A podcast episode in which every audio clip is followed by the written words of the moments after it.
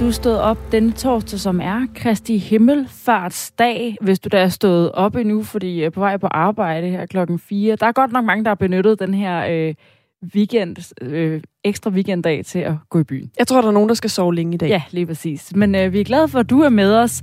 Og lyden af din morgenradio er lidt anderledes her til morgen, end den plejer at være, fordi det her det er nemlig Helligholdet, som vi sender tre timers live radio, hvor vi blandt andet ser nærmere på dagen som helligdag. Og det gør vi, fordi hvor øh, julen har masser af traditioner, påsken har påskeharen og æggejagt, Stor bededag har givet os vederne, så har Kristi Himmelfartsdag jo ikke umiddelbart nogen traditioner faktisk. Måske er det en tradition for nogen at gå i byen dagen inden Kristi Himmelfart. Det skal jeg ikke kunne sige. Men her til morgen, der ser vi i hvert fald nærmere på, hvorfor der ikke er flere traditioner. Og det kommer vi blandt andet til at gøre sammen med Ulla Bistrup, som er uddannelsesleder i Folkekirken og faktisk også Ph.D. i ritualer, og hun er med os klokken kvart i syv. Hvis du sidder derude og har nogle øh, traditioner, som øh, du plejer at gøre, Kristi Himmelfart, det kan være, at der er nogen, der plejer at tage fri og bruge weekenden, forlænget weekend på noget særligt, så skriv ind til os på 1424, så vil vi gerne høre om dine Kristi Himmelfart-traditioner. Vi skal også nok sørge for at komme med nogle nye bud på, hvad man kan bruge sin Kristi Himmelfartsdag på. Altså skabe nogle helt nye traditioner. Fordi det er nemlig med store bededag, det er også bare sådan, at så spiser man leder, man hygger ja. sig lige, der er ligesom en afslappningsdag. Og påsken, så er der mad og sådan noget, men ja. man har ikke rigtig noget til Kristi Himmelfart. Nej. Men vores reporter, Louise Østerlund, har altså været på gaden for at høre, hvordan Kristi Himmelfart bliver markeret i dag, og for at få nogle bud på, hvad for nogle nye traditioner, der kunne blive indført. Det ved Find et eller andet at spise, man kan spise på den dag, eventuelt. Sådan ja. noget familiens yndlingsret. Sushi. ja. Mm en ny sushi-tradition på Kristi Himmelfart. Vi ser på, om maden kan noget øh, på Kristi Himmelfartsdag i dag. Og så skal vi også omkring en kirke ved Haderslev, hvor de gør det på en ret anderledes måde. Og meget mere skal vi nok ikke sige om den sag endnu, men hvad det hele handler om, det kan du høre klokken kvart i otte her til morgen. Kan du ikke sige en lille smule? Jeg kan sige, at det involverer nogle sandaler og en fiskestang. Okay, ja, jamen, det var en det god er lidt teaser. Ja. Kvart i otte, lyt med. Vi har selvfølgelig også øjnene rettet mod det, der ellers sker ude i verden her til morgen. I går mistede 19 elever og to lærere på en skole livet i den tragiske massakre på Robb Elementary School i Uvalde i den amerikanske delstat Texas. Og dagen derpå i USA er der kommet flere detaljer frem om både gerningsmand og de dræbte. Vi taler med Anne Alling, som er korrespondent i USA, om seneste nyt, og det gør vi om en halv time. Vi kommer til at øh, have øjnene rettet mod resten af verden, og vi kommer altså også til at have øjnene rettet mod den dag, som det jo er i dag, Kristi Himmelfarts dag, hvor din morgenradio er med Astrid Date og Anne Philipsen i studiet. Godmorgen. Godmorgen. Og måske du står op og er lidt i tvivl om, hvad det egentlig er for en heldig dag, vi øh, markerer i dag. Og så er du altså ikke alene. Vores reporter Louise Østerlund har været på gaden for at høre, om folk ved, hvad historien bag Kristi Himmelfartsdag egentlig er. Ja, lidt, men ikke. Jeg kan ikke sådan uddybe det nærmere. Oh shit.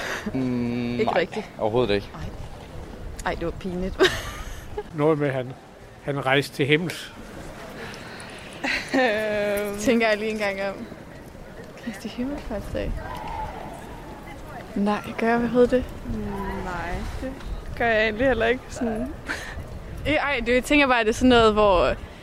Nu tænker jeg bare Kristi Himmelfarts Kristi. Altså, noget med Jesus, men det tænker jeg ikke, fordi det har vi lige haft påsken. Jeg, jeg, skulle, jeg tænkte lige, at det var da han sådan steg op til himmels, men det var jo i, i påsken, vel? Ja. Nej, og så tænker så... jeg, det er bare sådan noget arbejdsslap af dag. Men jeg kan heller ikke ja. lige finde en jeg ved det sammenhæng der. Øh, ja, Jesus genops... Nej, nej, nej, nej, nej, nej, nej, nej, det der Kristi flyvefart, det ved jeg sgu ikke, hvad, fejrer vi? Nej, der fløj han til himlen. Nej, det gjorde han ikke, det er ikke noget med det at gøre. Hvad fejrer vi? Var det ikke uh, Jesus, der... Genopstandelse? Ja. Jo. Ved du, hvad vi fejrer? Ja, Kristi Himmelfart. Og hvad går det ud på? Ja, det var jo, øh, da Kristus får til himmels. Ja, der er lidt øh, forskellige bud her fra øh, dem, som vores øh, reporter Louise Østerlund mødte på gaden. Heldigvis så har vi allieret os med Jakob Rønnow, som er seniorpræst og øh, blandt andet har været præst i Vanget Kirke gennem 24 år. Og for at forstå, hvad Kristi Himmelfartsdag indebærer ifølge Bibelen, så skal vi lige spole tiden tilbage til påskedagene. Fordi her sker der jo både det, at Jesus bliver korsfæstet og genopstår, så hans disciple kommer ud til en tom grav dagen efter, de har begravet ham. Fra påsken og til i dag, Kristi Himmelfartsdag, der er Jesus så sammen med sine disciple. Det fortæller seniorpræst ved St. Lukas Stiftelsen Jakob Rønner. Jesus er sammen med sine disciple, efter han er stået op af graven, og der står meget tydeligt i Bibelen, han spiser sammen med dem, og det kan, det kan lyde som sådan lidt fjollet oplysning, men, men det er simpelthen fordi, øh, han, man skal ligesom sige, det var Jesus, der stod op af graven. Det var ikke et spøgelse eller en ånd, for spøgelser og ånder, de, de spiser ikke. Øhm, så han var sammen med dem for alvor i 40 dage. Og så kommer øh, tidspunktet, Kristi Himmelfartsdag, hvor han øh, går ud på en bakketop med sine disciple, øh, og så siger han, mig er givet al magten i himlen og på jorden. Og nu skal I gå ud i al verden og fortælle alt det her til alle folkeslag og gøre dem til mine disciple. Og I skal døbe dem i faderens, søns og helligåndens navn og fortælle om, om alt det her. Og det siger han til disciplene på den her bakketop. Og det gør han Kristi Himmelfartsdag, 40 dage efter påske. Og så står der, at så løftes han op til Gud, eller kommer tilbage til Gud. Og det er vi jo set mange malerier af, hvor man, han farer til himmels, og derfor kalder vi jo det for himmelfart. Man har også set malerier, hvor man kan se sådan to ben stikke ud af en sky. Det er Jesu himmelfart, og disciplen, der så står rødvilde tilbage og kigger efter ham. Øhm, Kristi himmelfartsdag. Og så har de så 10 dage fra Kristi himmelfart, som altså 40 dage efter påske bliver en torsdag. Øhm, og så 10 dage efter, så bliver det pinse. Og i de 10 dage, ved de ikke rigtigt, hvad de skal, alle disciplene. Ho, nu var han væk, og så var han sammen med os, og så døde han, og så var han levende igen, og så var vi sammen i 40 dage, det var så godt. Men nu er han for alvor væk, og det var altså, om jeg så må sige, modløse. Og pinsen, den ser vi altså nærmere på anden pinsedag, hvor der igen er helligholdet på Radio 4, altså morgenradio, en lidt særlig helligdagsudgave. Men man kan godt forstå forvirringen, fordi påsken, der genopstår han ligesom på jorden, og så tøffer han rundt 40 dage, og så siger han farvel og tak, god fornøjelse til sin disciple, og så genopstår han, eller ikke, så opstår han videre op ja, til himlen. far til himmels, præcis. Så øh, der er ikke noget at sige til, at øh, man kan blive lidt forvirret over, hvad er rækkefølgen på det her. Men så havde vi altså seniorpræst Jacob Rønnow til at øh, gøre os klogere. Det var altså de fortolkede øh, bibelske ord om dagen i dag, Kristi Himmelfart. Nu er klokken 13 minutter over 6. På Kristi Himmelfartsdag skal du lufte dit tøj for at beskytte det mod møl, og du skal pynte dit hjem med friske grønne bøgegrene for at holde heksene væk. Sådan lød i hvert fald nogle øh, påbud i følge de gamle traditioner for dagen i dag. Og dem skal vi se nærmere på nu sammen med Jesper Frøkær Sørensen. Godmorgen. Godmorgen. Forsker i ritualer ved Aarhus Universitet og også forfatter til bogen Magi i øh, universitetets Tænkepauser bogserie. Godmorgen til dig. Hvad bunder de her ritualer egentlig i? Altså, vi kan, vi kan se på det på to måder. Så vi har på den ene side øh, den etablerede religionsritualer, som jo ligesom indstiftes igennem bøger og myter osv. Så, videre. så der har vi Kristi Himmelfartsdag. Og på den anden side, så har vi nogle praksiser i, i det almindelige liv, ikke? hvor det er træls at få mølle sit tøj, og man vil gerne beskytte sig mod hekse. Og de her helligdage har ligesom med at suge magiske praksiser til sig, øh, fordi de jo opfattes som særlig hellige. Ikke? Så det, det er en særlig god dag at gøre nogle ting, som man måske har haft øh, og har øh, små ritualer omkring, som bliver fordelt ud over året. Kristi Himmelfart er jo en kristen helligdag, men øh, de her traditioner, jeg nævnte før, altså at lufte tøjet for at beskytte det mod møl og, øh, og have den her øh, friske bøgegren pyntet rundt omkring i hjemmet for at holde heksene væk, er det traditioner fra kristendommen eller fra nordisk folkekultur, eller er det fra begge dele? Altså det, det, det kan jo godt være lidt svært helt at udrede, men, men der er jo ikke noget sådan skriftligt belæg i nogle af de bibelske tekster for de, nogle af de ting, vi gør, så der er jo mere sandsynlighed for, at det ligesom er, er, er praktiske handlinger, man, hvor der er ting, man ønsker at opnå, som man laver ritualer for at opnå. Ikke? Så det er små hverdagsritualer, som så ligesom øh, samler sig omkring dage, som i forvejen opfattes som hellige, fordi på de dage er der en særlig kraft til stede, så derfor bliver de særlig kraft, opfattet som særlig kraftfuldt. Og hvad er det, der har drevet øh, folk i gammel tid til at have den her slags ritualer? Ja, så vi kan jo sige, den med møller og tøjet, er, altså møl er jo træls at have i tøj. Ikke? Øh, den med, med bøgegrenene og heksen er måske lidt nemmere at, at fortolke på. Ikke? Øh, altså bøgegrenen som en symbol på, på fertilitet og fremgang, og nu er, det, nu er det forår, og nu kommer den, kan man sige, nu kommer bedre tider efter den lange vinter, og heksen som repræsentant for, det der, for den potentielle misvækst. Ikke? Så i et landbrugssamfund skal man altid beskytte sig mod, at, at, at høsten den kan slå fejl senere. Så man prøver at beskytte sig mod onde kræfter ved ligesom at dække sig ind bag øh, frugtbarhedens ritual, eller frugtbarhedens symboler her, altså øh, bøgegrenen, som en man bringer ind i hjemmet øh, som en måde at beskytte sig på. Og når man står her i dag i 2022 og hører de her øh, ritualer, for eksempel det her med at pynte hjemmet for at holde heksene væk, så kan det jo godt lyde øh, ja, sådan lidt, øh, hvad kan man sige, lidt svært at forholde sig til. Det er jo nok ikke noget, som så mange gør i dag. Men hvilken øh, funktion har, har de haft i gammel tid? Altså hvorfor har man troet på, at det var noget, der ville hjælpe? Ja, altså igen, vi, vi kan jo ikke kigge ind i hovederne på folk, der levede for 500 år siden, og så vi ved jo ikke, i hvilken udstrækning man tror på det. Altså, så, så prøv at tænke på, hvornår du sidst selv bankede under bordet, efter at have sagt et eller andet, eller sagde 7, 9, 13. Hvis jeg nu spørger dig, tror du på, om det virker, så kan det jo godt være, at jeg får et lidt vævende svar tilbage fra dig, men du gør det alligevel. Så vi kan sige, at det er sådan en slags handlingsprogrammer, som vi, har, som vi deler med hinanden, at det er sådan her, vi gør i nogle bestemte situationer, hvor der er noget, vi gerne vil afværge, eller noget, vi gerne vil fremme. Øh, og, og, og hele det her trospørgsmål kommer lidt i anden række. Så vi kan sige, at ritualerne opstår, fordi at de adresserer, de, at de, de forholder sig til ting i, i vores verden, som er vigtige for os, og som er omgivet med usikkerhed, ikke? hvor ting kan gå galt. Vi kan få mølle i vores tøj, det er træls. Øh, høsten kan slå fejl, det er endnu værre.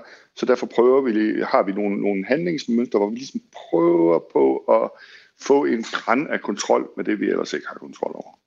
Jeg taler med Jesper Frøkær Sørensen, der er forsker i ritualer ved Aarhus Universitet, med udgangspunkt i nogle af de ritualer, der har knyttet sig til en helligdag som Kristi Himmelfartsdag.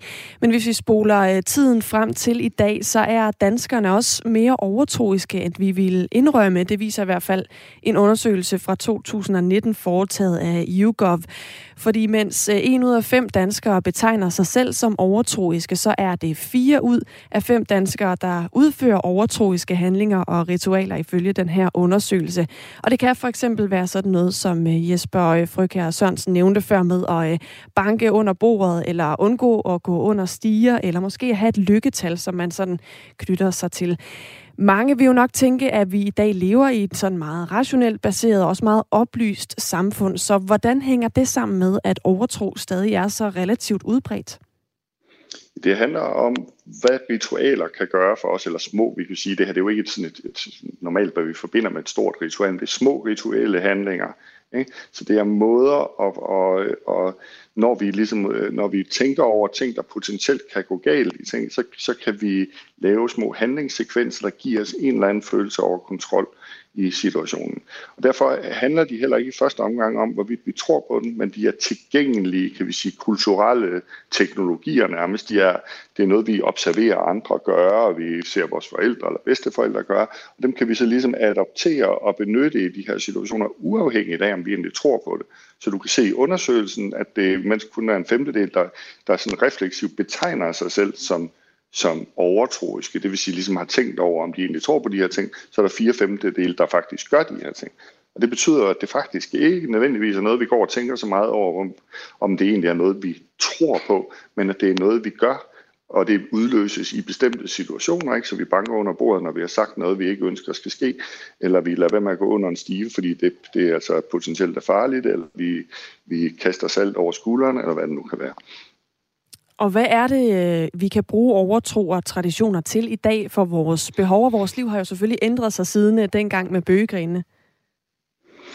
Ja, altså vi kan jo sige, at, at hvis, vi, hvis vi tager som udgangspunkt, at de her små, kalder du altså overtroiske ritualer, at de ligesom forbinder sig til usikkerhedssituationer i vores liv, så kan vi jo sige, at der er ikke så mange af os, der arbejder i landbruget i dag, og landbruget er højt industrialiseret. Så usikkerheden for landmanden er i dag klart mindre, end den var engang, og der er langt færre mennesker, der ligesom lever i, den, i, i det erhverv. Ikke? Så, så, så vi kan jo følge med, hvor, hvor usikkerheden så flytter hen til kærlighedslivet, til hvor den altid har været selvfølgelig, og til arbejdslivet, hvad for et job har jeg til vores helbred, øh, og vi kan se, se at, at der nok er fundet en yderligere individualisering sted, det vil sige, at det er noget, vi gør for os selv i forhold til vores private livssituation, mindre end det er noget, som det lokale arbejdsfællesskab i landsbyen gør i fællesskab i relation til de fælles problemer, som de har. Jesper Frøkær Sørensen, har du egentlig selv nogle traditioner, der knytter sig til Kristi Himmelfartsdag? Ikke det fjerneste. Ikke så jeg fulgte jo jeres, jeg fulgte jeres vignette i starten, og jeg tror, det, det, det er fuldstændig rigtigt, at folk har for det første et ret diffust forhold til, hvad det egentlig er for en dag. Ikke? Det er jo en, blevet en slags miniferie, fordi mange tager fredag som en, en feriedag, men det er jo faktisk en almindelig arbejdsdag, eller, så den har også været sådan lidt en lidt besynderlig dag, en torsdag, hvor man havde fri. Øh, jeg synes, det var interessant, at der var en, der kom med et forslag om, at det skulle handle om mad og hvad familien spiste. Ikke? Så det peger ned i, at, at, at hvordan vores almindelige opfattelse af kristne ritualer er blevet i, i, øh, i det moderne danske samfund, at kristne ritualer er familieritualer. De er forbundet med familietraditioner, påskefrokoster, jule, øh, juleaften, øh, spise varme veder er også noget, der primært er i familien osv. Så, videre. så de er forbundet til familietraditioner, de er forbundet til mad. Jeg troede, ja, jeg tænkte det første, jeg troede, du skulle til at sige, at vi kan høre det forbundet til mad, som det primære. Mm. Det er klart, at, at, at, at ritualer er, er jo en fest ofte. Ikke? Så en ritual, en typisk ritual, er ligesom en kombination af, af, af to aspekter. Det har det, det, kan vi sige, det disciplinerede og det tvungne. Man skal, man skal gå i kirke, eller man skal, øh, og man skal udføre bestemte handlinger, og nogle gange skulle man ofre osv. Og, og så øh, er de, er de forbundet ofte med en efterfølgende fest, og begge dele har en interessant effekt, når man laver dem sammen. Ikke? Så hvis vi laver det i landsbyfællesskabet, så binder vi øh, gruppen sammen ved først at sige, at der er nogle bestemte handlinger, vi alle sammen skal udføre. Vi skal alle sammen bringe bøgegrene ind i vores hus og pynte op. Øh, og efterfølgende, så ved vi jo godt, at noget af det, der virkelig kan bringe en gruppe sammen, er at holde en fælles fest, og i den nordiske lande ofte forbundet med alkohol, hvilket jo også kendetegner i hvert fald både julen og påsken. Du skal have tusind tak, fordi du var med her, Jesper Frøkær Sørensen. Velkommen til at sætte nogle ord på øh, den måde, vi øh, ja, har ritualer og har haft ritualer på i helligdagene. Jesper Frøkær Sørensen, der altså er forsker i ritualer ved Aarhus Universitet og også er forfatter til bogen Magi i Tænkepauserserien. Jeg har altså været lidt fascineret af Japan, som øh, jeg ser som et meget sådan, moderne land. Jeg var der for snart 10 år siden, mm. hvor jeg husker, jeg var sådan lidt fascineret over, der var bare elcykler over det hele og sådan noget. Det har vi selvfølgelig også i dag her, men jeg tænkte, wow, de er godt nok fremme ja. sådan på den teknologiske udvikling. Og så samtidig, mens jeg var der, var der lidt sådan en diplomatisk krise mellem den daværende premierminister Shinzo Abe i Japan og Kina, fordi at der var et tempel i Tokyo, som havde taget en sjæl fra øh, under krigen, en krigsforbryders sjæl, og stedt til hvile i det der tempel. Og når man først har gjort det, så kan man ikke flytte sjælen, når først den ligesom har fået plads i det der tempel. Og det var bare blevet sådan en kæmpe politisk øh, sådan, krise og skandale. Altså det her med, at man har det ultramoderne land, mm. og en kæmpe tro, og helt vildt mange traditioner og ritualer. Og nytårsaften var jeg ved sådan et stort tempel i Tokyo, hvor man skulle hen og bede for, altså, bede for det her tempel og sådan noget. Altså der er det ikke så meget alkohol, men mere ja, sådan nogle rituelle handlinger. Men det var meget fascinerende, hvordan begge ting kan leve lige meget. Og det er jo i virkeligheden også det, der gør sig gældende, når vi øh, har det her oplyste samfund, og det der med bøgegrenene måske virker fjernt, og vi så alligevel, når vi siger noget, der er sådan lidt på kanten, lige banke under bordet, ikke? så kombinerer vi jo også de to. Jeg kender i hvert fald godt til det med at banke under bordet. Nu er klokken blevet 24 minutter over 6, og det her er Helligholdet på Radio 4 hvor vi altså her til morgen har fokus på Kristi Himmelfartsdag. Vi prøver at gentænke dagen lidt. Hvad kan vi bruge den på? Hvad skal vi spise? Vi vil også rigtig gerne høre fra dig, der lytter med. Hvad bruger du din Kristi Himmelfartsdag på? Har du nogle helt faste traditioner, eller nogle gode bud på nogle faste traditioner, der øh, kunne øh, udvikle sig den her dag? Så skriv ind på 1424. Og imens du øh, lige sidder og tænker eller skriver din egen familietradition eller vennetradition ned, så kan du få noget inspiration her, fordi vores reporter Louise Østerlund, hun har været på gaden for at høre, hvad nogle af danskerne skal bruge deres Kristi Himmelfartsdag på i dag. Har I, øh, har I nogle planer for, hvad I skal på øh, Kristi Himmelfart? Jeg skal på camping, i campingvogn på Rugård Camping på Djursland. Og jeg skal Svendborg med campingvogn ræsen er klar til pinsen. du skal træne boksning. Jeg skal bokstræning, ja. Jeg plejer faktisk at have fødselsdag på Kristi Himmelfart. Plejer du det? Nej, det, det, er den, jeg, Nogle det, gange det, det, er jo du den dag, jeg er født. Men altså, på Kristi Himmelfartsdag. Så en gang imellem. Men nej, vi laver ingenting. Ikke noget specifikt, nej. Hmm, det kan jeg sgu ikke huske. Måske i kirke. Og er det også det, du plejer at lave, når det er Kristi Himmelfart? Nej, det er det ikke altid. Det er ikke sådan noget, jeg gør sådan... Gør jeg, det gør jeg, når jeg synes. Har du en tradition for, hvad du plejer at lave, når det er Kristi Himmelfart? Nej. Nej, det har jeg faktisk ikke. Jeg tror, jeg måske går i kirke. Ja, Er det noget, du plejer at gøre? det gør jeg tit, ja. ja. Også på Kristi Himmelfart? Ikke så tit, nej.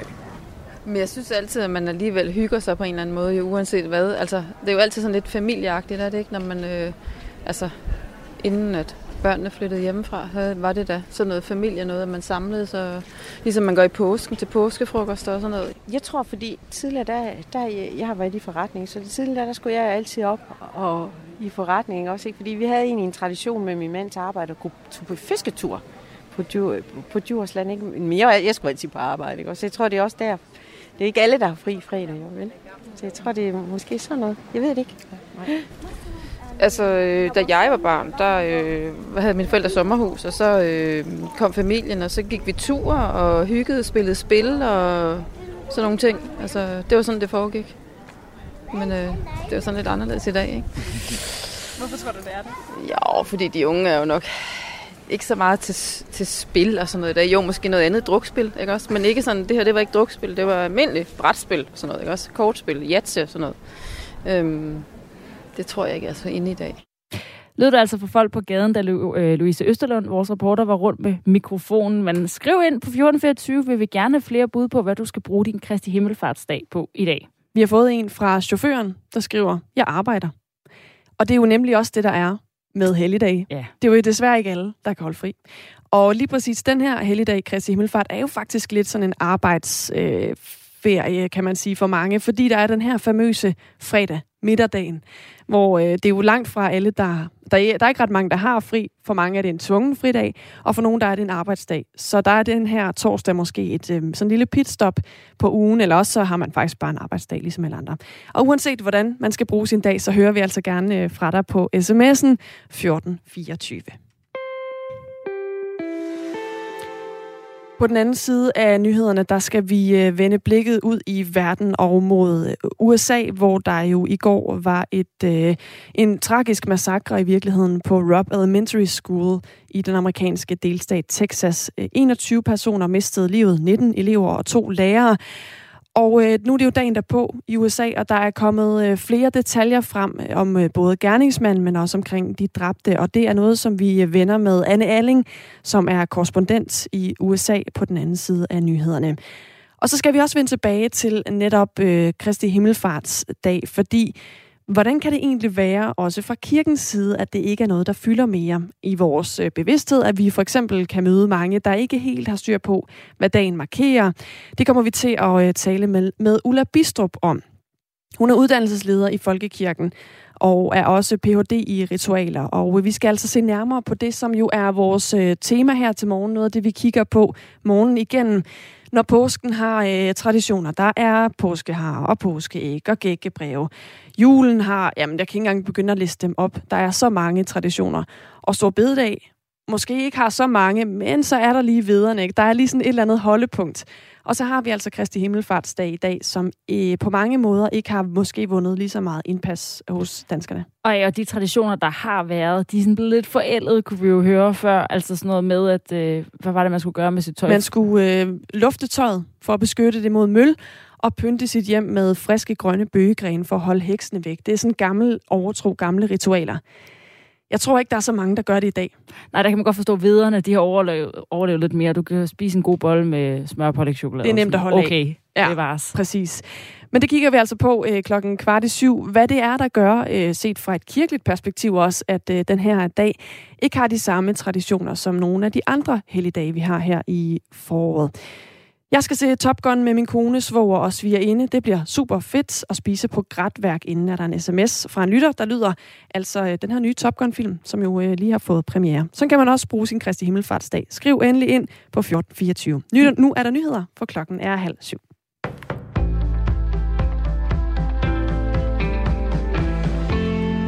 Det er fremover forbudt at få foretaget en abort i Oklahoma fra første graviditetsdag med kun få undtagelser. Loven, der bliver anset som USA's strengeste abortforbud, er trådt i kraft med omgående virkning. Den forbyder aborter fra første graviditetsdag og tillader borgere at sagsøge dem, der hjælper kvinder med at stanse deres graviditet. Den nye lov tillader kun få undtagelser i tilfælde af voldtægt, incest eller hvis morens helbred er i fare.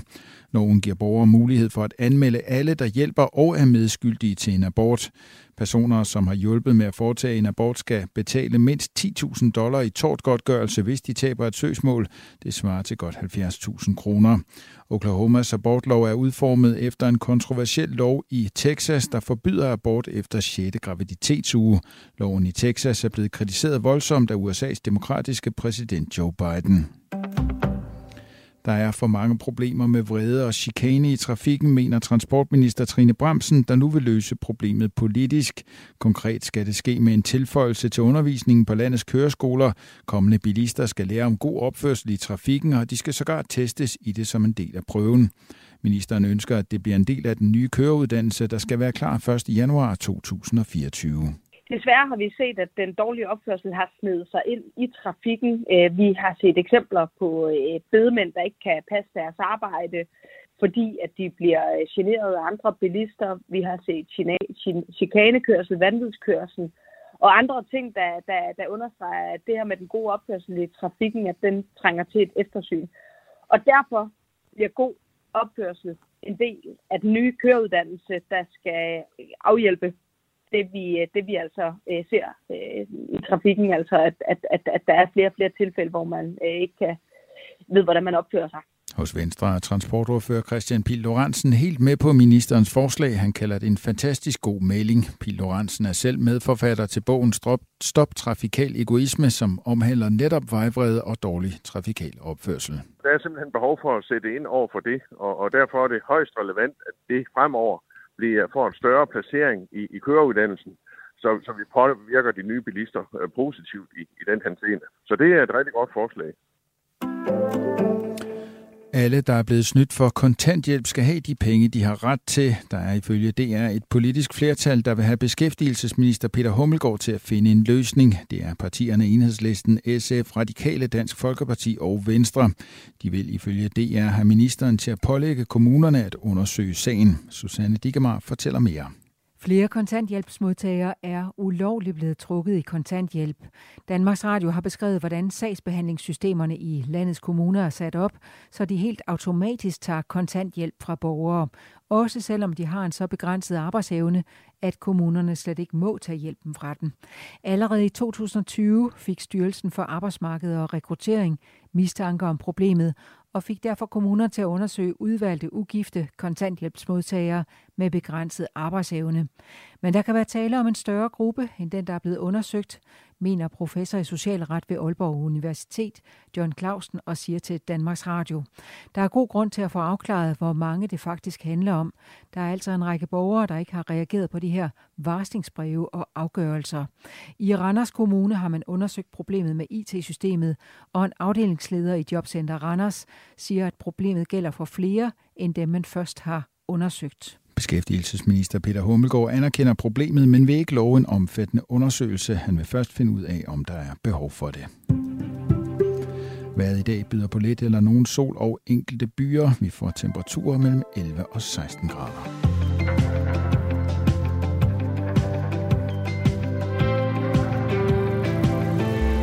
Godmorgen, det er Helligholdet på Radio 4. Du har skruet op for, og øh, her til morgen er det med Thomas Sand på nyhederne og Astrid Date og Anne Philipsen i det andet studie. Og det er altså en dag, hvor vi øh, har fokus på selve dagen Kristi Himmelfart, men vi har altså også et blik på, hvad der foregår ude i verden. Og blandt andet er der jo øh, den her øh, tragiske massakre på Rob Elementary School i Uvalde i den amerikanske delstat Texas i går, hvor 19 elever og to lærere på en skole mistede livet. Og dagen derpå, altså i dag i USA, er der kommet flere detaljer frem om både gerningsmand og de dræbte. Anne Alling, korrespondent i USA. Godmorgen. Godmorgen. Hvad ved vi om gerningsmanden nu? Vi ved, at øh, den 18-årige Salvador Romas, som er gerningsmanden, at han var en lokal fra øh, Uvalde, Texas. Han øh, gik på byens øh, high school, som ligger meget tæt på, på folkeskolen. Øhm, og onsdag her, der fik vi at vide af, af myndighederne, at han faktisk havde skrevet om sine planer på Facebook. Øh, det, som Facebook siger, er, at der er tale om nogle private beskeder. Vi har ikke fået at vide, hvem han har skrevet til, men han skulle altså kort for inden, omkring en time inden, havde skrevet i en privat besked på Facebook, at han ville skyde sin bedstemor. Kort derefter, der skrev han så, at øh, nu havde han skudt sin bedstemor. Og det politiet siger så, at bedstemoren hun var såret, men øh, løb over vejen øh, efter hjælp. Og herefter, godt 15 minutter inden at Salvador Roma han ankom til Rob øh, Folkeskole, der skrev han så i denne her besked, at nu ville han tage over øh, og skyde øh, på skolen. Så vi ved, at det er at noget, han på sin vis, kan man sige, øh, har planlagt, eller i hvert fald varslet kort for inden, øh, at han ville gøre. Han kørte derover i, i bedstemorens øh, sorte pickup truck, kørte i grøften, øh, og derefter så tog han så, han lå en af sine rifler i bilen, han tog en anden af sine rifler med sig ind på skolen, to rifler, som vi så hører, at han har købt for bare to uger siden på sin 18-års fødselsdag, som er aldersgrænsen for, hvornår man kan købe semiautomatiske rifler i Texas. Så vi ved altså, at han har skrevet både inden han skød sin bedstemor bagefter, og da han tog ud til skolen med, med det her, den her riffel og øh, skød og dræbte 19 børn og to lærere i øh, går. Ved vi, nu ved vi jo netop også, hvem han er, men hvem, hvad var han for en, øh, en ung mand? Vi ved ikke noget specifikt om hans motiv. Han har ikke efter tilbagelagt sig en, en, sådan en videobesked eller et brev, der ligesom forklarer præcis, hvorfor han gjorde det her. Men i løbet af de sidste 24 timer, der har øh, myndighederne talt med flere af hans bekendte, hans kollegaer og hans klassekammerater. Øh, han gik som sagt på, øh, på byens high school, men klassekammeraterne fortæller, at han tit pjekkede, øh, og han ikke rigtig havde nogen venner. Han var meget alene. De fortæller, at han var, tit var, var vred, øh, Øh, var altså sådan meget indesluttet i sig selv. Øh, mange troede, at han egentlig var droppet ud af skolen, fordi han nu arbejdede over på den lokale Wendy's, en fast, fast food restaurant. Og her har myndighederne talt med, øh, med en af hans kollegaer, som fortæller, at han sådan tit var, var sur, kom op og skændes tit med sine andre kollegaer, og han tit brokkede sig enormt over, meget over sin mor og sin bedstemor, sagde, at han direkte havde dem. Han havde sin mor for, at hun ikke ville lade ham gøre, hvad han ville. Hun ikke ville lade ham ryge hash, når han ville. Øh, og i det hele taget giver de altså et billede af en, af en meget vred, øh, en vred ung mand. En af klassekammeraterne spillede tit øh, computerspil med ham. De spillede Fortnite og Call of Duty øh, online sammen, og han sagde ham med klassekammeraten, at han tit hørte ham i mikrofonen skændes helt vildt med sin mor. Og når han gjorde det, så, ville han, så flyttede han tit over til bedstemoren og boede med, med hende i, i et par dage. Så altså i det hele taget et billede af en dreng, som var meget vred, øh, meget alene. Øh, han var også på sådan nogle apps, hvor man kunne finde venner, og her er der en, der har fortalt, at hun videochattede med ham på et tidspunkt, kendte ham ikke, og der postede, der, der viste han hende noget video af nogle billeder og, og blod nede på gulvet. Øh, så en, ja, en, en umiddelbart vred øh, og meget øh, indesluttet alene dreng. Men den konkrete årsag til, hvorfor det øh, skulle gå ud over de her børn, det har han altså ikke øh, meldt noget om i nogle af de beskeder. Ikke noget, vi ved noget konkret om endnu, nej.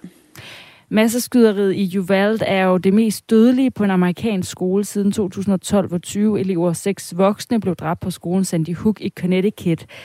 Er der noget, kommer noget frem i forhold til, hvad øh, politiets rolle har været i det her angreb? Som vi hørte øh, i, i går, så lød det først som om, at øh, der ikke havde været nogen øh, sikkerhedsvagter eller politi til stede på, på skolen. Men det viser sig nu, at, øh, at der, var, der var faktisk en bevæbnet betjent til stede på skolen til sådan at holde generelt vagt, fordi det her jo desværre ikke er noget, som, øh, som, øh, som er, er, sjældent i, i USA. Denne her betjent forsøgte øh, at stoppe gerningsmanden. Han skød faktisk efter ham, men, øh, men Salvador Roma for, formåede at, at slippe forbi ham og komme ind på skolen.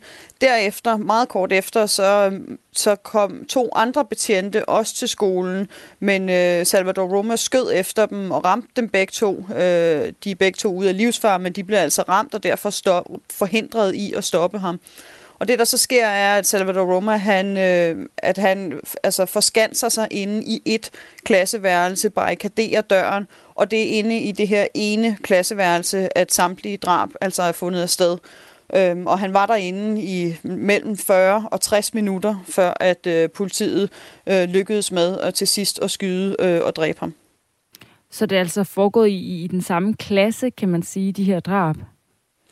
Det er de, ja. Øhm, og vi hører fuldstændig forfærdelige øh, vidnesbyrd fra, fra flere elever nu, som øh, har været i klasseværelserne lige ved siden af. En 10-årig pige fortalte, hvordan at hun var lige oppe ad væggen, øh, kunne høre skuddene. Øh, hun flygtede ud af vinduet, men fandt så ud af, at hendes bror, som gik i klassen lige inde ved siden af, han, han blev dræbt i lokalet inde ved siden af det er jo selvfølgelig noget, der gør ekstremt stort indtryk på øh, amerikanerne, og øh, det har også sat en snak i gang om våbenlovgivning i landet. Og det er faktisk sådan, at de fleste amerikanere bakker op om en strammere våbenlov, men samtidig tvivler mange på, at myndighederne vil gribe ind over for øh, den her bølge af masseskyderier i USA. Det viser en øh, ny måling fra Reuters øh, i øh, IP, IPOS. Ser du det som realistisk, at det her altså kan gøre noget mere altså ved debatten og føre til en ændring af våbenloven? Altså, få timer, tre timer mener jeg det var, efter øh, nyheden kom ud om det her skoleskyderi, der var demokraternes leder i senatet, Chuck Schumer, ude at sige, at nu skulle der stemmes for et, øh, et lovsforslag om, om mere baggrundstjek, altså at man skulle tjekke folk mere, inden de købte våben. Han sagde, at de ville sende denne her lov til afstemning måske allerede i dag, torsdag. Men i går, der bakkede han, øh, bakkede han helt tilbage og sagde, at det kom ikke til at ske alligevel, øh, at det slet ikke kommer til at ske nu, fordi at han ikke så nogen som helst mulighed for, at øh, de ville kunne få et flertal i senatet.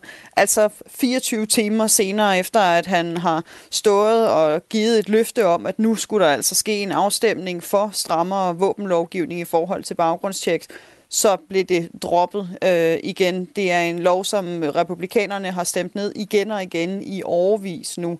Og det er et meget, meget klart tegn på, at der ikke er en tilstrækkelig politisk enhed i kongressen om det her øh, våbenlovgivning, om det så er baggrundstjek, men der er også en række andre øh, lovforslag øh, på banen.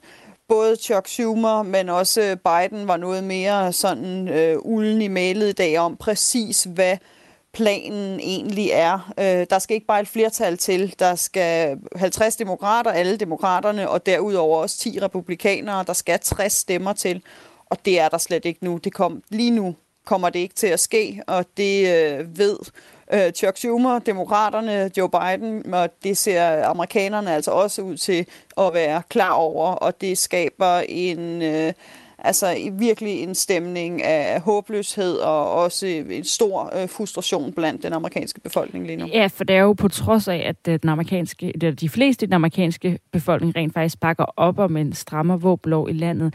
Men bliver der fra øh, politisk side af tale om andre tiltag, altså i forhold til, hvordan man kunne have undgået det, der skete i Texas i går? Jo, der er helt sikkert øh, rigtig mange øh, diskussioner af, hvad man kunne have gjort, øh, hvad kunne have stoppet. Øh, mange mener, især demokrater, altså at mere at der skal være flere regler for, hvor, hvornår man kan købe et våben. Også at man skal tjekkes mere i forhold til, at man for eksempel har, har diagnoser for, for mentale lidelser. Det viser det sig, at det har gerningsmanden i det her tilfælde ikke. Der er ikke nogen øh, lægediagnoser af, at han sådan mentalt skulle fejle noget. Så det er en lov, der ikke ville have stoppet ham.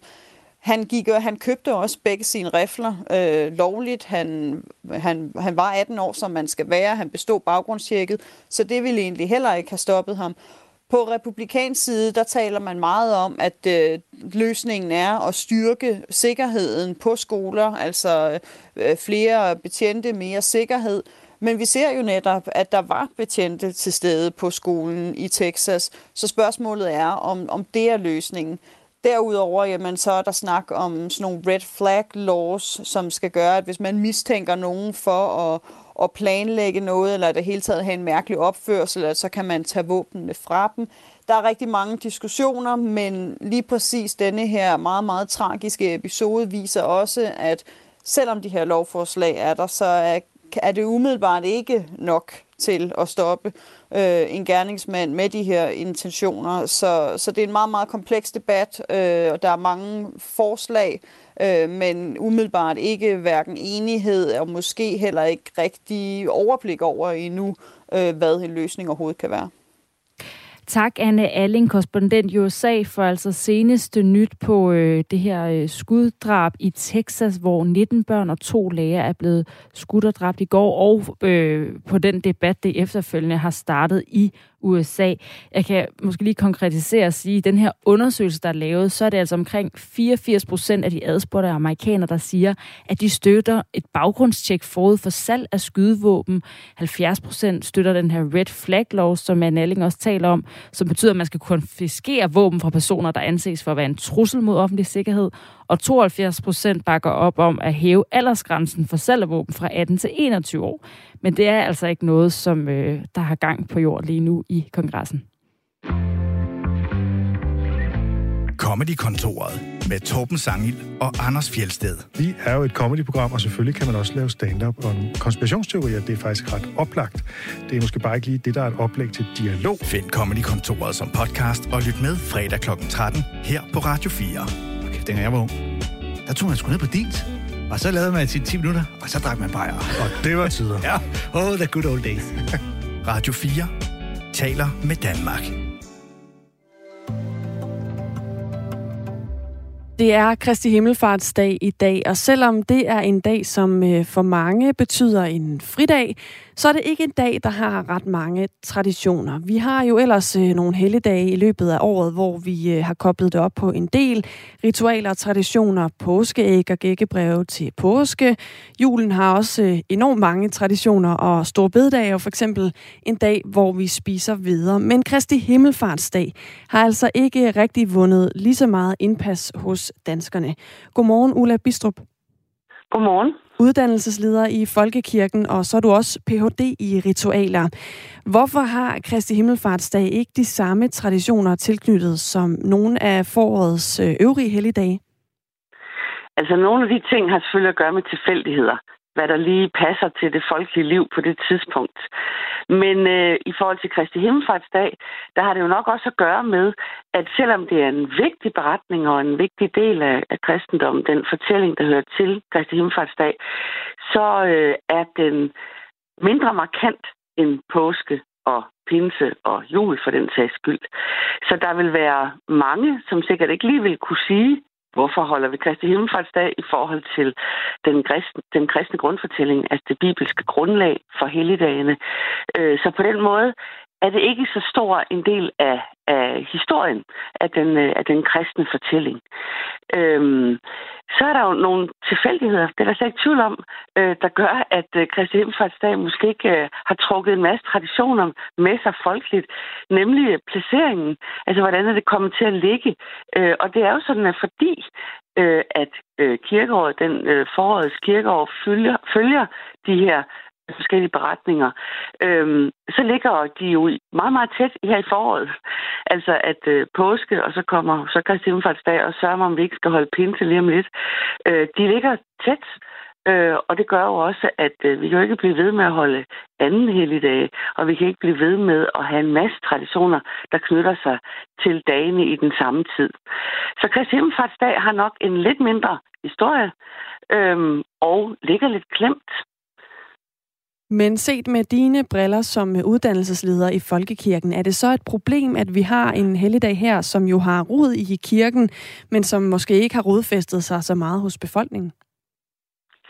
Nej, Altså, det er jo svært at forholde sig sådan rationelt til, hvordan det var bedst. Øh, som jeg lige antydede, så, øh, så ligger helligdagene øh, tæt lige nu. Øh, så det var sikkert øh, bedre, hvis de lå på en anden måde. Det har vi jo så lidt kompenseret for ved at have efterårsferie. Men, øh, men det her med, at helligdagen ikke har fået øh, de mange traditioner, det er jo ikke i sig selv et, øh, et problem. Den bliver jo brugt rigtig mange steder til en, en meget flot og festlig konfirmationsdag, der ligger lidt sent på året, hvor der kan være lidt varme. Øh, og øh, så er der jo forskellige øh, små ferietraditioner for rigtig mange af os efterhånden, fordi det jo netop er en fredag øh, bagefter, som ikke er en helligdag, men er blevet feriedag for mange, også i skolen og så videre. Øh, så den er jo blevet en, en, øh, en øh, helligdag, det er det jo, uden mange traditioner, men jo sådan et kærkommen øh, ferie i, i foråret. Men øh, som, øh, som en del af, kan man sige, folkekirkens arbejde, så er det vel også, går jeg ud fra, tit et ønske, at, at øh, folket tager kirkens øh, budskaber til sig osv. Så, videre. så, så mener du egentlig, at kirken bør arbejde for, at Kristi Himmelfartsdag får en endnu større betydning for danskerne? Ja, altså det er jo altid øh, ønskeligt, at, øh, at danskerne kommer i kirke, og at danskerne hører øh, den store kristne fortælling. Øh, og der er der faktisk noget meget, meget vigtigt ved netop Kristi Himmelfartsdag, øh, fordi den jo handler om, den fortælling, der ligger bag, er, øh, at Jesus efter at være død og opstået i påsken, så er han sammen med disciplene øh, i øh, lang tid, 40 dage, og så forlader han dem igen. Og det, at Jesus ikke kun kommer til os, men forlader os igen, øh, det der er en kæmpe pointe i, i forhold til, hvad kristendommen er. Fordi kristendommen er nemlig ikke en gurubevægelse, hvor vi skal øh, øh, træske rundt i øh, fodsporene øh, på vores religiøse ledere. Øh, kristendommen handler også om, at, øh, at øh, vi skal gå ud i verden og vi skal gå hjem og leve vores liv øh, sådan, som, øh, som øh, Jesus øh, har fortalt os, vi skulle i forhold til hinanden og den verden, vi er en del af. Så man kan sige, at Kristi Himmelfartsdags store pointe, det er, at Jesus forlader os, øh, så vi kan øh, leve det liv, han, øh, han satte i gang. Øh, og øh, det er jo så det, som pinsen handler om lige om et øjeblik, at Helligånden kommer, som er måden, Gud stadigvæk er til stede i verden, men altså ikke som en person, vi skal følge. Så det er jo en meget, meget vigtig pointe og virkelig kendetegn ved kristendommen, at Jesus forlader os for far til himmels, så vi kan få øje på hinanden, i stedet for at træske rundt efter ham. Og lige netop øh, pinsen, den fik et øh, ekstra fokus for øh, nogle år siden, hvor den tidligere biskop i Roskilde, Jan Lindhardt, samarbejdede med øh, Fiskeriets brancheorganisation for at få introduceret begrebet pinsefisk. Og tanken bag det var netop, at øh, det skulle give pinsen det her folkelige symbol, den her tradition, som øh, biskop i, i Roskilde på det tidspunkt, Jan Lindhardt, mente, at den her højtid manglede. Hvis man skulle øh, finde et lignende symbol for Kristi Himmelfartsdag, hvad kunne det så være? Ja, det er jo lige en tanke værd. Øhm, ja, så skulle det jo inden være noget, der, der afspejlede vores årstid. Og øh, i disse grønne tider, så burde vi vel finde Kristi Himmelfarts grøntsag. Det vil jeg da godt indbyde til bud på. Øhm, men øh, ellers så øh, er det jo svært lige at sige, hvad det kunne være. Der er ikke noget sådan i traditionen, der overhovedet øh, peger på noget bestemt, som man skal spise. Men øh, jeg vil godt appellere til, at, øh, at øh, de danske grønthandlere, de kommer i tanke om, hvad det er, vi skal spise Kristi Himmelfartsdag herefter så er den opfordring givet videre. Øhm, hvis vi vender tilbage til, øh, til, til dit arbejde også som uddannelsesleder i Folkekirken. Du har jo øh, selvfølgelig også gennem det indflydelse på, hvordan de nye præster kommer til at blive uddannet. Hvad tænker du ellers, at kirken konkret kan gøre for at gøre Kristi Himmelfartsdag til en dag, der øh, fylder mere for danskerne, og måske især hvor at øh, budskabet, som du var inde på før, også har en større betydning?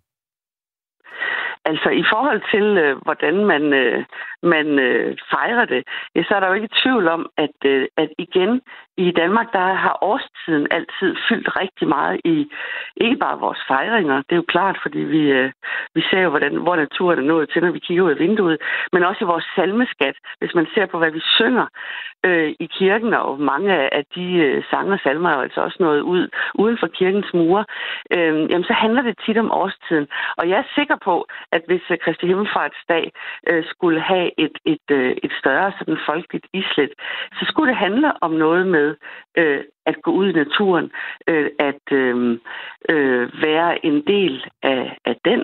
Øh, det, det er jo oplagt med, med udendørs gudstjenester, som mange så har anden dag.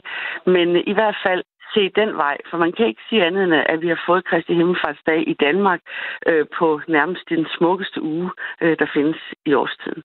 I årstiden. Du nævnte også, øh, en Kristi Himmelfarts grøntsag kunne være en idé til en madtradition. Har du et bud på, hvilken det skulle være? øh, ah, det vil lige se nok for asparsen. Det vil ellers passe godt nok. Der står der og peger mod himlen. Ja, det er godt, godt bud, Ulla Bistrup. Det kan være, at vi skal lægge det ud til lytterne. Hvis du har en Ja, god tak. idé til, et, øh, til en Kristi Himmelfart grøntsag, vi kunne spise, så skriv ind til 1424. Tak fordi du var med her, Ulla Bistrup, uddannelsesleder tak. i Folkekirken, og øh, derudover også Ph.D. i ritualer, altså om hvad øh, Folkekirken også øh, kan gøre for at få den her dag til at blive øh, en dag, der fylder mere i danskernes bevidsthed. Klokken er 5 minutter i syv. En længe ventet rapport om fester i regeringskontorer under Storbritanniens coronanedlukning blev offentliggjort i går. Det er den såkaldte Partygate. Og Storbritanniens premierminister Boris Johnson har i den grad måttet forholde sig til resultaterne. For rapporten viser nemlig, at festerne gik ret vildt for sig. Det fortæller Frederik Barsø, som er journalist i London. en del nye detaljer frem. Der, der er blandt andet, blandt andet er kommet frem, at der, der til en fest den, den 18. juni øh, 2020 øh, blandt andet var, var to, der, der var oppe i en, og, og toppes en, altså en mindre slåskamp, og der, der var en, der, der blev så fuld, at, øh, at vedkommende, vedkommende kastede op, og, og der var karaoke, og sådan nogle der detaljer der er kommet frem, og, og der var en fest, hvor der havde været rengøringspersonale, der havde været nødt til at tørre vin af væggene dagen efter, og, og rengøringspersonalet og, og sikkerhedspersonalet generelt var blevet behandlet rigtig dårligt og, og blevet hånet, når de havde stillet spørgsmålstegn til, til de her fester, som, som er foregået. Og så, så er der kommet frem, at, at der er senior rådgiver, øh, Boris Johnsons daværende privatsekretær, som også som, som har advaret mod at, at, at vifte med, med vinflaskerne, fordi at der var et pressemøde, og, og pressen skulle ikke se det, og en, en, en seniorrådgiver, som havde sagt, at, at øh, efter en, en fest, at havde sendt en besked om, at, at, at det, det så ud til, at de, de slap afsted med det. Så sådan nogle, nogle detaljer er kommet frem. Og det kom altså frem i den her rapport, der skulle øh, placere ansvaret for Partygate, mediernes navn, for de mange fester og receptioner, der imod reglerne på det tidspunkt har været holdt i Downing Street i 2020 og 2021. Mens resten af Storbritannien altså var i skrab coronanedlukning og på flere tidspunkter en øh, fuld nedlukning med et forsamlingsforbud på fem personer. Og det betød altså, da det her kom frem, at øh, Boris Johnson hele dagen i går måtte forklare sig over for både parlamentet og medier, selvom at der ikke rigtig kom nogen egentlig forklaring fra premierministeren. Som han, som han plejer, så, så, så, så glider han af på, på de mest alvorlige spørgsmål, og og når, når folk de spørger, om, om han har løjet og sådan nogle ting, så svarer han ikke rigtigt på det, og så begynder han at tale om, hvad han fokuserer på nu, og det er krigen i Ukraine, og det er den her enorme krise, som er herovre, som, som er i, i mange steder i verden lige nu. Altså den her cost of living crisis, som, som den hedder herovre, altså det her med, at alle priser stiger, og rigtig mange mennesker har svært ved at få det til at løbe rundt. Så, så han, han svarer på de her ting, men han har altså også sagt, at han tager ansvar for det hele. Øhm, og, men, men samtidig så holder han også fast i, at, at han altså ikke på noget tidspunkt har vidst, at, at, øh, at han har gjort noget galt. Bliver Spørgsmålet er jo så, der var lige et øh, ekstra pip med i enden af det her klip, men øh, spørgsmålet er jo så, om det får nogle konsekvenser for Boris Johnson. Men øh, ifølge Frederik Barsø, som altså er journalist i London, så forventer alle, at Boris Johnson endnu en gang overlever den såkaldte Partygate-skandale. Der er altså ikke nogen, der vil smide ham af posten. Også flere politiske eksperter og analytikere herover i dag peger på, at, at, at han lignede altså en, som, som var glad for, at det ikke var værre, end det, end det var, det som kom ud af rapporten, og, og at at der trods alt stadig, selvom der er nogen konservative, som, som længe, altså over en periode har, har vendt sig mod ham og, og, og stadig gør det lidt, så, så tyder det altså ikke på, at, øh, at, at, at der er nok, som vender sig imod ham til, at, at det ligesom udløser det her mistillidsvotum. Så, så jeg tror, at, at, at han bliver på posten, og også oppositionen siger jo også, at, at han skal gå af, men det skal ikke være lige nu, fordi at krigen i Ukraine, den skal, den skal, den skal håndteres, øhm, og, det, og det skal han gøre, øhm, for det er han i gang med, og det, det vil ligesom ikke være god timing nu, så jeg tror, at, øh, jeg tror, at han bliver på posten, og, og at, øh, at det her, det ligesom, ja, det bliver heller ikke hans sted. Lød altså fra Frederik Barsø, journalist i London, ovenpå øh, den længe ventede rapport om øh, Partygate i regeringskontorene under Storbritanniens nedlukning, som øh, ja, ikke tyder på at få nogle konsekvenser for Boris Johnson lige nu. Helligholdet her på Radio 4 her til morgen kigger selvfølgelig på øh, nyheder rundt omkring i verden, men vi kigger også på Kristi Himmelfartsdag, som den helligdag det jo er, og som jo øh, også er en helligdag, som blandt andet indebærer fodbold i år. Der er pokalfinale. Ja, det er jo også en, øh, vi taler om ritualer og traditioner. Det er jo også lidt af en, med nogle undtagelser en tradition, at der er pokalfinale den her torsdag. Lige præcis, i hvert fald nogle år. Og øh, det er OB og FC Midtjylland, der møder hinanden, og det er en af de historier, som vi kommer til at øh, se nærmere på efter nyhederne, hvor vi har en fan med fra hvert hold, der lige skal sige, hvem de tror vinder. Men først så skal vi have et nyhedsoverblik med Thomas Sand klokken er syv.